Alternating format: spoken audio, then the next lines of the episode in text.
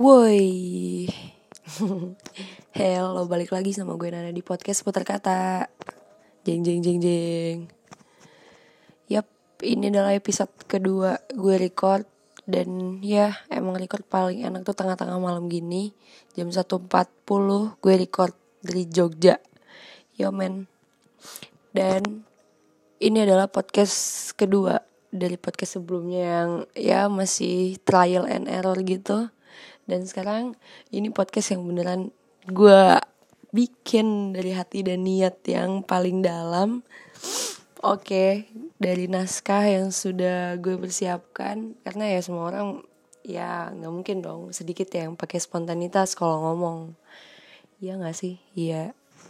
Jadi ngomongin judul dari episode kedua gue yaitu berkolaborasi dengan bahagia. Sepertinya judul ini tuh sangat apa ya berat sih kalau misalnya dia omongin padahal mah topiknya yang bakal gue omongin gak bakal seberat judulnya sih. Jadi ngomongin kebahagiaan, bentuk kebahagiaan seseorang tuh emang beda-beda banget.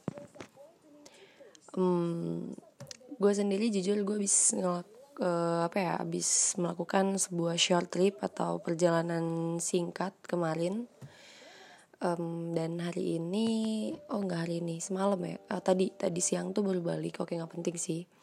Jadi dari short trip gue tuh gue menemukan sekali banyak cerita. Gue mengalami banyak cerita dan menurut gue ya it's worth it untuk diceritakan kembali ke orang-orang karena ya apa salahnya sih untuk berbagi cerita. Toh ini podcast ya gue bukan seorang motivator dan gue coba pengen berbagi cerita gitu kan. Jadi ngomongin masalah perjalanan setiap orang pasti punya rencana untuk melakukan sebuah perjalanan kan. Salah satunya gue sendiri. Untuk melakukan sebuah perjalanan itu gue bikin sebuah janji dulu sama diri gue sendiri. Jadi uh, janji yang gue lakuin uh, jadi janji yang gue ikrarkan dengan diri gue sendiri itu adalah ya bulan Agustus pada tanggal segini gini ini gue harus melakukan sebuah perjalanan. Entah ke mana gue ingin ketemu sama orang-orang baru. Gue pengen punya pengalaman yang wow di jalan. Dan akhirnya gue memutuskan untuk ya gue mau melakukan perjalanan itu. Gue bikin sebuah short trip ke Surah uh, ke Bali dan Lombok. Dan itu bisa dibilang gue sebagai backpacker karena di sini ya dari segi biaya ataupun dari hal lain itu intinya gue press banget budget. Jadi emang tujuan gue adalah gue pengen apa ya melakukan perjalanan yang singkat dengan waktu tempuh yang emang lama di jalan jujur gue adalah orang yang paling suka menempuh perjalanan paling lama di jalan karena menurut gue gini kayak misalnya gue mau balik nih ke Jakarta banyak orang dari Jogja ke Jakarta yang emang milih buat aku ah, mau naik pesawat aja deh ke Jakarta biar cepet gak capek naik kereta kan 8 jam gitu kan. Tapi kalau jujur kalau gue sendiri gue lebih suka uh, buat melakukan perjalanan yang menyita waktu lebih lama di jalan bukan karena ih gue capek atau gimana atau gue nggak ada duit untuk beli tiket pesawat tapi karena gue lebih suka. Ketika kita melakukan perjalanan itu tuh kita bakal apa ya kita bakal berbicara sama diri kita sendiri di jalan. Kita bakal punya waktu sendiri kita bakal bakal punya waktu untuk uh, apa yang akan kita lakukan nanti ketika kita sampai di sini. Apa yang akan gue lakukan ketika nanti gue udah pergi dari sini. Dan ya menurut gue ya gitu kita punya key time sama diri kita sendiri. Pas waktu di perjalanan itu itu sih menurut gue kenapa gue lebih milih gue buat apa namanya melakukan perjalanan yang menyita waktu lebih banyak di jalan gitu. Jadi ya transportasi yang gue gunakan bukan transportasi yang macam pesawat atau gimana kayak gitu. Tapi banyak orang yang ah, lu nggak punya duit ya buat beli tiket pesawat. Itu gue nggak penting sih menurut gue punya duit atau nggak punya duitnya gue buat beli tiket ya ya bukan urusan lo kan ini kan masalah kepentingan lo. Apa sih yang lo lakuin di jalan? Kayak gitu. Jadi ngomongin janji sama diri sendiri emang paling susah itu bikin janji sama diri sendiri ya gak sih? Jadi banyak orang yang akhirnya wacana gitu kan. Jadi kayak gue mau melakukan eh melakukan perjalanan nanti tanggal segini segini segini. Katanya pas sudah hari hatinya tiba duitnya nggak ada. Kalau gue sendiri jujur kemarin pas melakukan short trip itu gue sama sekali nggak pegang duit banyak dan gue emang gila-gilaan abis. Gue ke daerah dan di mana juga kalian tahu uh, lombok juga masih ada bencana gempa. Dan gue melakukan perjalanan itu emang semata-mata murni buat ya gue mau tepatin janji sama diri gue sendiri kayak gitu. Dan itu sih yang susahnya buat janji sama diri sendiri. Walaupun sampai perjalanan di perjalanan itu ada beberapa orang yang melakukan short trip tapi nggak banyak yang ih gue nggak dapet pengalaman apa apa nih atau ih bisa aja kok nggak sih kasih kamat ya itu menurut lo atau gimana kali ya? Tapi kalau misalnya gue sendiri sih ya buat diri gue pribadi jujur kemarin short trip yang gue lakuin itu kurang lebih dari tanggal 15 sampai tanggal 19 eh sampai tanggal 19 ya. 19 tuh gue baru otw balik dari Lombok lewat jalur da jalur darat yang gue tempuh selama 24 jam perjalanan untuk ke Jogja dan itu sumpah ya banyak sih kayak gue ditipu. Ya mungkin nanti kita bakal ngomongin nih masalah gue ditipu atau gimana. Jadi kemarin gue melakukan short trip itu sama uh, dua orang teman gue si Siraj dan Ayu. Dan memang gimana ya? Ya kalau bisa dibilang mereka ini udah jadi saudara tapi saudara nggak ada duit.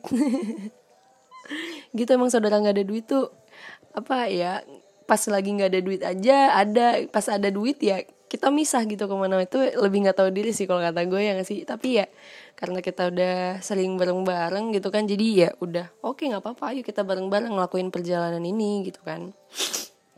Dan semua budget kita ngepres jujur tapi gue bilang ya udah nggak apa-apa. Uh, kita kita gas aja terus. Ya udah akhirnya selama perjalanan kita menjadi tiga orang yang nggak punya duit dengan dikit-dikit pop mie dikit-dikit pop mie bukan nggak punya duit maksudnya duit yang sangat-sangat kita press. Uh, ya karena di sini tema kita backpacker jadi mau nggak mau kita ya udah apa aja di yang murah dikit kita makan yang murah dikit kita makan. Sampai-sampai kalau misalnya kita mau makan tuh dunia tak oh oh aduh ini tanya dulu kali ya berapa harganya kayak gitu. Jadi kayak biar kita bisa hitung hitungan kayak gitu kan. Tapi bukan pelit sama diri sendiri tapi emang itu konsepnya udah dari sananya. Udah pengen hemat dan karena konsepnya backpackeran nggak ada yang namanya mahal-mahalan kayak gitu. Jadi selama perjalanan ini banyak banget cerita yang gue yang gue alamin ya. Jadi kayak ketemu sama orang-orang baru menyapa ataupun ya sekadar senyum kayak gitu. Jadi uh, memang kalau orang sekarang susah sih untuk menyapa orang lain. Kalau ketemu papasan cuma uh, ada kontak mata selebihnya senyum pun enggak. Ya kayak gitu. Itu yang gue sering temuin sih. Jadi kalau sekarang gue selalu pengen banget nanamin di dalam diri gue kalau misalnya gue ketemu orang entah siapa pun itu ketika kita apa namanya punya kontak mata sekalian senyumin kayak gitu. Gak tau kayak gue pengen jadi orang yang dikenal apa ya yang ramah kayak gitu. Ya lebih asik aja gitu menurut gue apalagi kalau misalnya sampai kita uh, ada kontak secara langsung kayak ngobrol atau apa itu menurut gue tuh lebih menyenangkan. Atau lebih jauhnya sampai tukar pengalaman. Ya mungkin tuh konteksnya udah jauh ya tapi seenggaknya kalau di agama gue sendiri senyum itu ibadah katanya. Gitu. Um, jadi dari kemarin gue uh, gue banyak ketemu orang baru kan. Mulai dari temennya temen gue mulai dari orang lain yang gak gak gue kenal atau ya orang lain yang yang cuma kayak ketemu menyapa ya udah selesai. Atau nggak sampai tukar pengalaman karena menurut gue itu lebih jauh lagi lebih intim mungkin ya.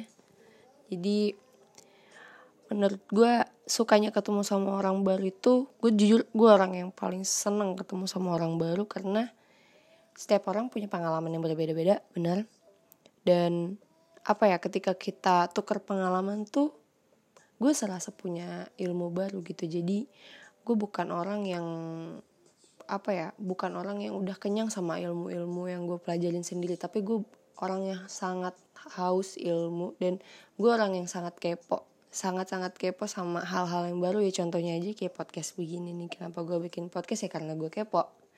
Dan gue haus. Haus ilmu kayak gitu. Jadi apa ya? Ketemu orang baru. Ketemu orang baru mak, uh, ada yang ada ya ada yang pernah bilang kalau misalnya makin makin lo dewasa makin lo tua makin lo circle lo itu mengecil gitu. Jadi kayak circle pertemanan tuh semakin mengecil. Kalau kalau menurut gue sendiri enggak ya. Jadi emang beberapa orang punya stigma seperti itu tapi menurut gue enggak. Jadi stigma yang gue tanamkan di dalam diri gue adalah semakin gue tua semakin gue dewasa gue harus punya circle yang makin besar. Karena di sini gue sadar gue adalah makhluk sosial. Gue nggak mau semua hidup gue itu dibatasi sama satu hal yang menurut gue nggak penting. Dan gue di sini pengen memperluas circle pertemanan gue wala walaupun lo nggak dekat sama dia ya teman gue ada yang bilang kalau misalnya lo tuh nggak apa-apa kenal sama orang ketemu sama orang baru walaupun nanti lo nggak ketemenan sama dia nggak sahabatan ya seenggaknya lo kenal sama dia gitu. Untuk menyapa untuk seterusnya ya itu masalah belakangan intinya kenal aja dulu sama orang. Bener. Jadi gue lebih suka kenal sama orang. Kayak pertama kali kita kenalan uh, nama saya ini nama saya ini ya udah untuk lebih kita ngobrol-ngobrol kalau cocok oke. Okay. kalau misalnya nggak ada nggak ada misalnya ada orang yang kalau misalnya baru pertama kali kenalan langsung kayak duh gue tuh dia tuh orangnya kayak ih kayaknya gini dia orangnya gini gitu. Mungkin kamu ngerasa nggak cocok gitu ya sama dia. Jadi kayak gue nggak cocok nih sama orang ya udah. Yang penting kan lo kenal gitu kan sama dia. Udah kenalan tuh udah aman gitu menurut gue. Jadi kayak nggak perlu yang baru ketemu lo ngerasa cocok langsung sahabatan tuh nggak nggak harus kayak gitu juga sih. Sahabat tuh nggak banyak sih. Menurut gue sahabat tuh cuma satu dua orang lah. Nggak perlu banyak banyak kayak gitu. Karena kalau banyak banyak pas namanya bukan sahabat sih. Lebih ke apa ya grup grup band.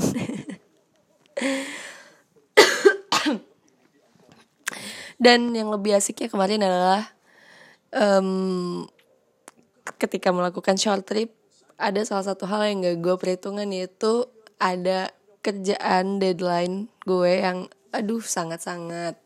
Apa ya jadi kalau misalnya lo melakukan perjalanan tiba-tiba di tengah perjalanan itu lo kayak di pressure ada pressure dari tugas-tugas yang deadline kayak gitu pasti kayak aduh gue tenang gak ya? Gue bisa gak ya? Sampai ke mana-mana tuh kemarin gue liburan bawa laptop.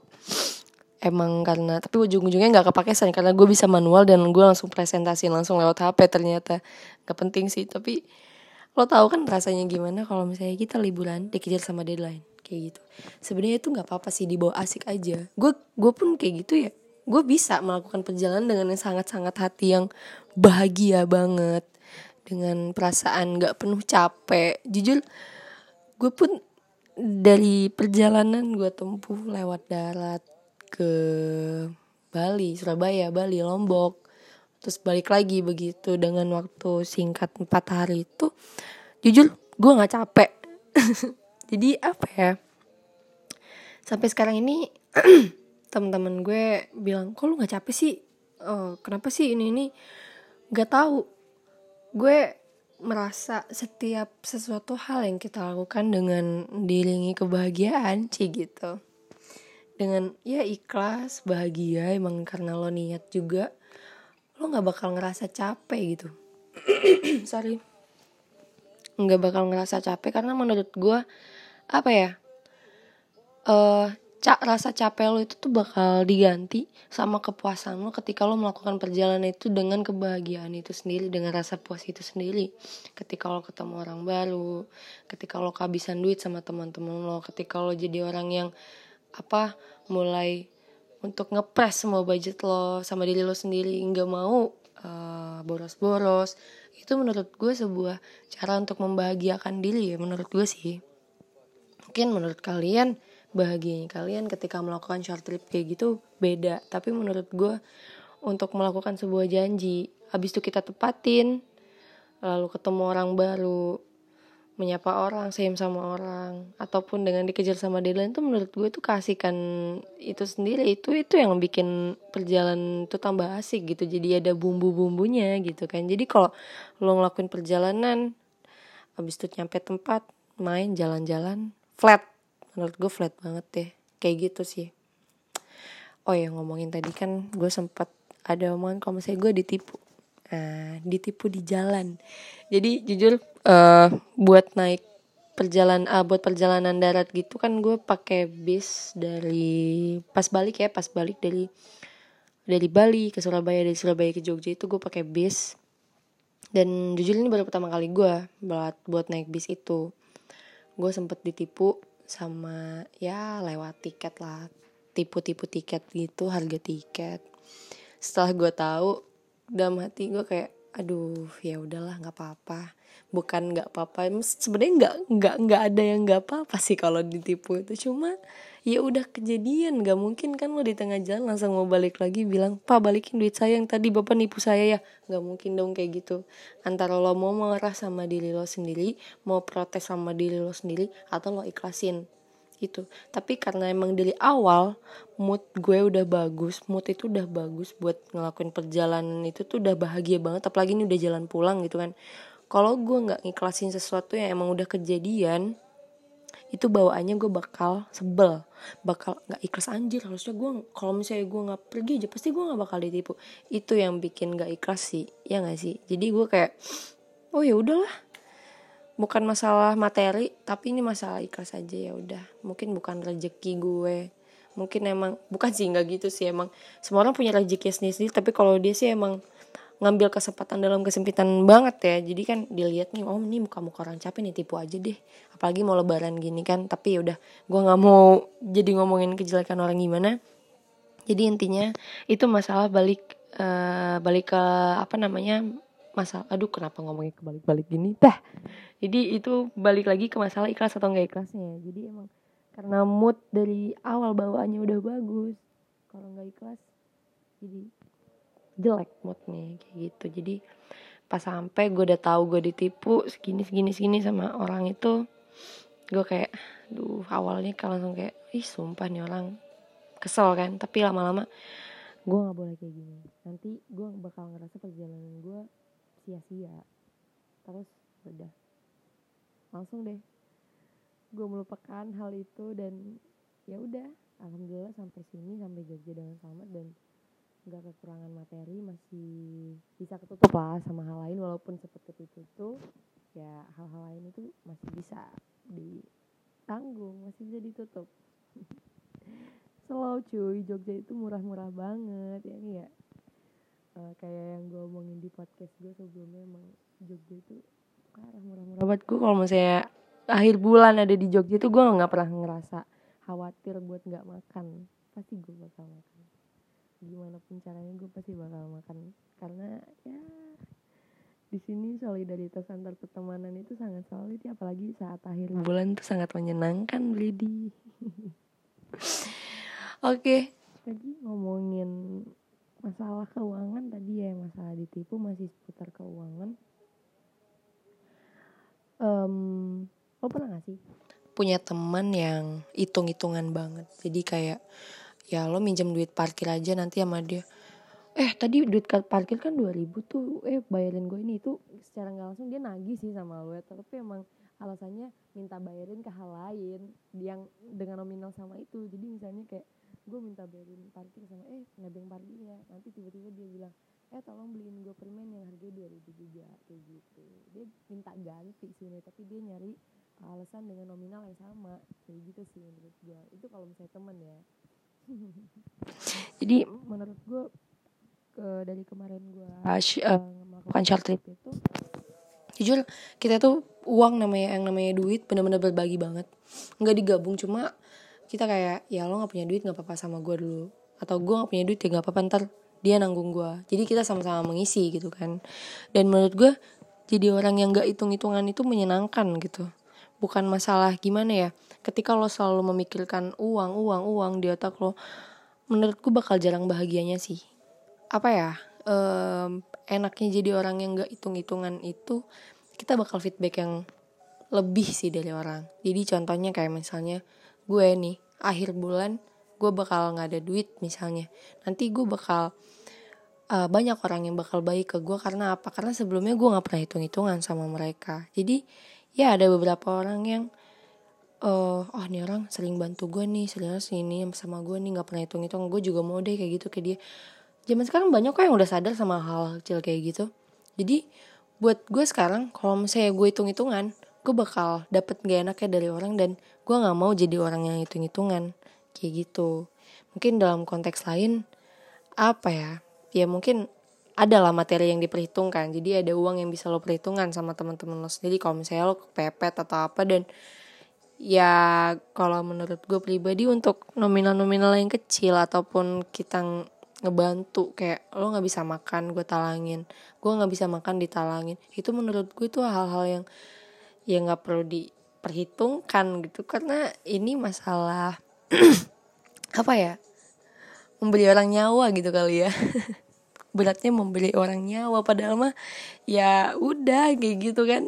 Tapi serius kalau jadi orang yang hitung-hitungan gitu nggak banget sih menurut gue jadi kayak aduh dikit nih. Nih orang pasti dikit banget temannya. Karena biasanya nih orang-orang kalau mau temenan sama orang lain tuh uh, pasti bakal uh, perhitungin masa duit dulu ini orang hitung-hitungan gak ya orangnya? Kalau misalnya hitung-hitungan gimana nih? Ntar kalau misalnya gue bakal temenan lama sama dia pasti bakal dibikinin nota gitu mungkin atau gimana? Ada yang berlebihan sampai kayak gitu. Tapi gue sampai sekarang alhamdulillah belum nemu teman-teman yang sampai sebegitunya hitung-hitungan sama gue alhamdulillah belum ada. Kayak gitu. Tapi kalau saudara ada ada banyak saudara nggak ada duit.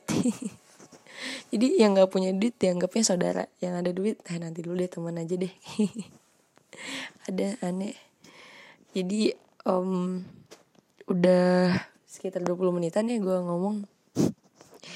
Um, jadi untuk terakhir hal yang mau gue omongin tujuan dari perjalanan itu sendiri. Jadi uh, apa namanya korelasi antara tujuan perjalanan sama judul gua yang berkolaborasi dengan bahagia ini um, sangat erat sih. Sangat erat sekali korelasinya. Jadi apa ya menurut gua melakukan perjalanan itu adalah sebuah misi kebahagiaan kali ya. Misi kebahagiaan untuk diri sendiri. Misi ngebahagiain diri sendiri. Banyak banyak hal yang lo temuin di perjalanan. Entah itu ketemu sama orang baru yang tadi gue bilang.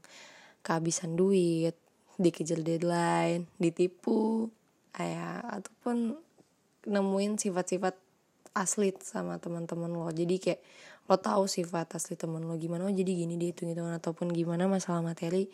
Intinya menurut gue sebuah perjalanan itu sih perlu.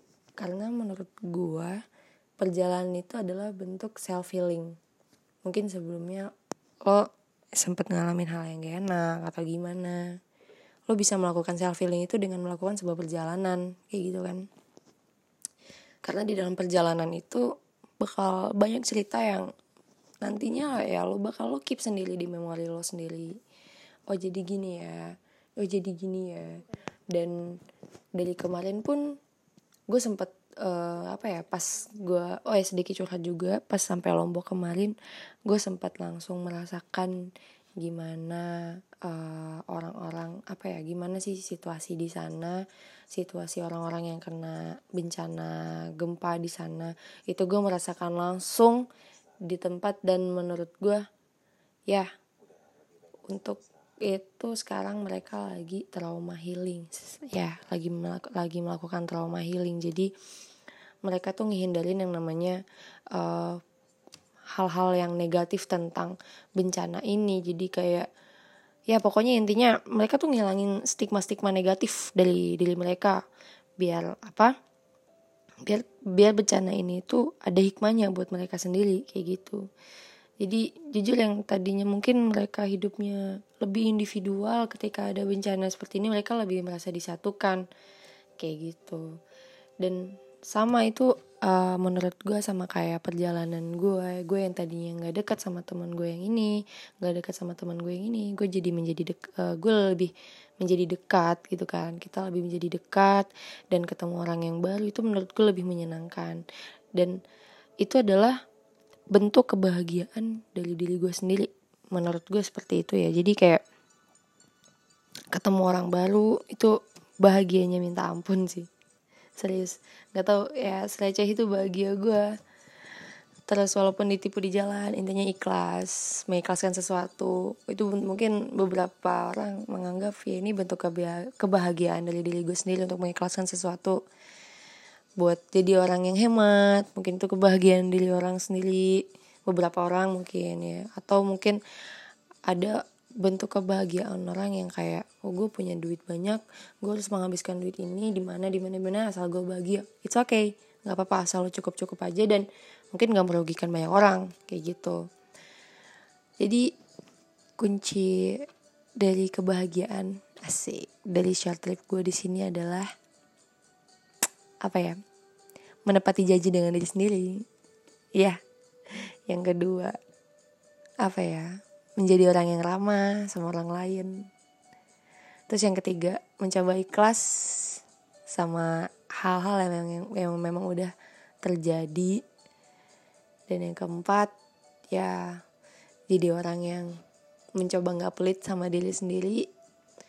Mencoba nggak pelit juga sama orang lain.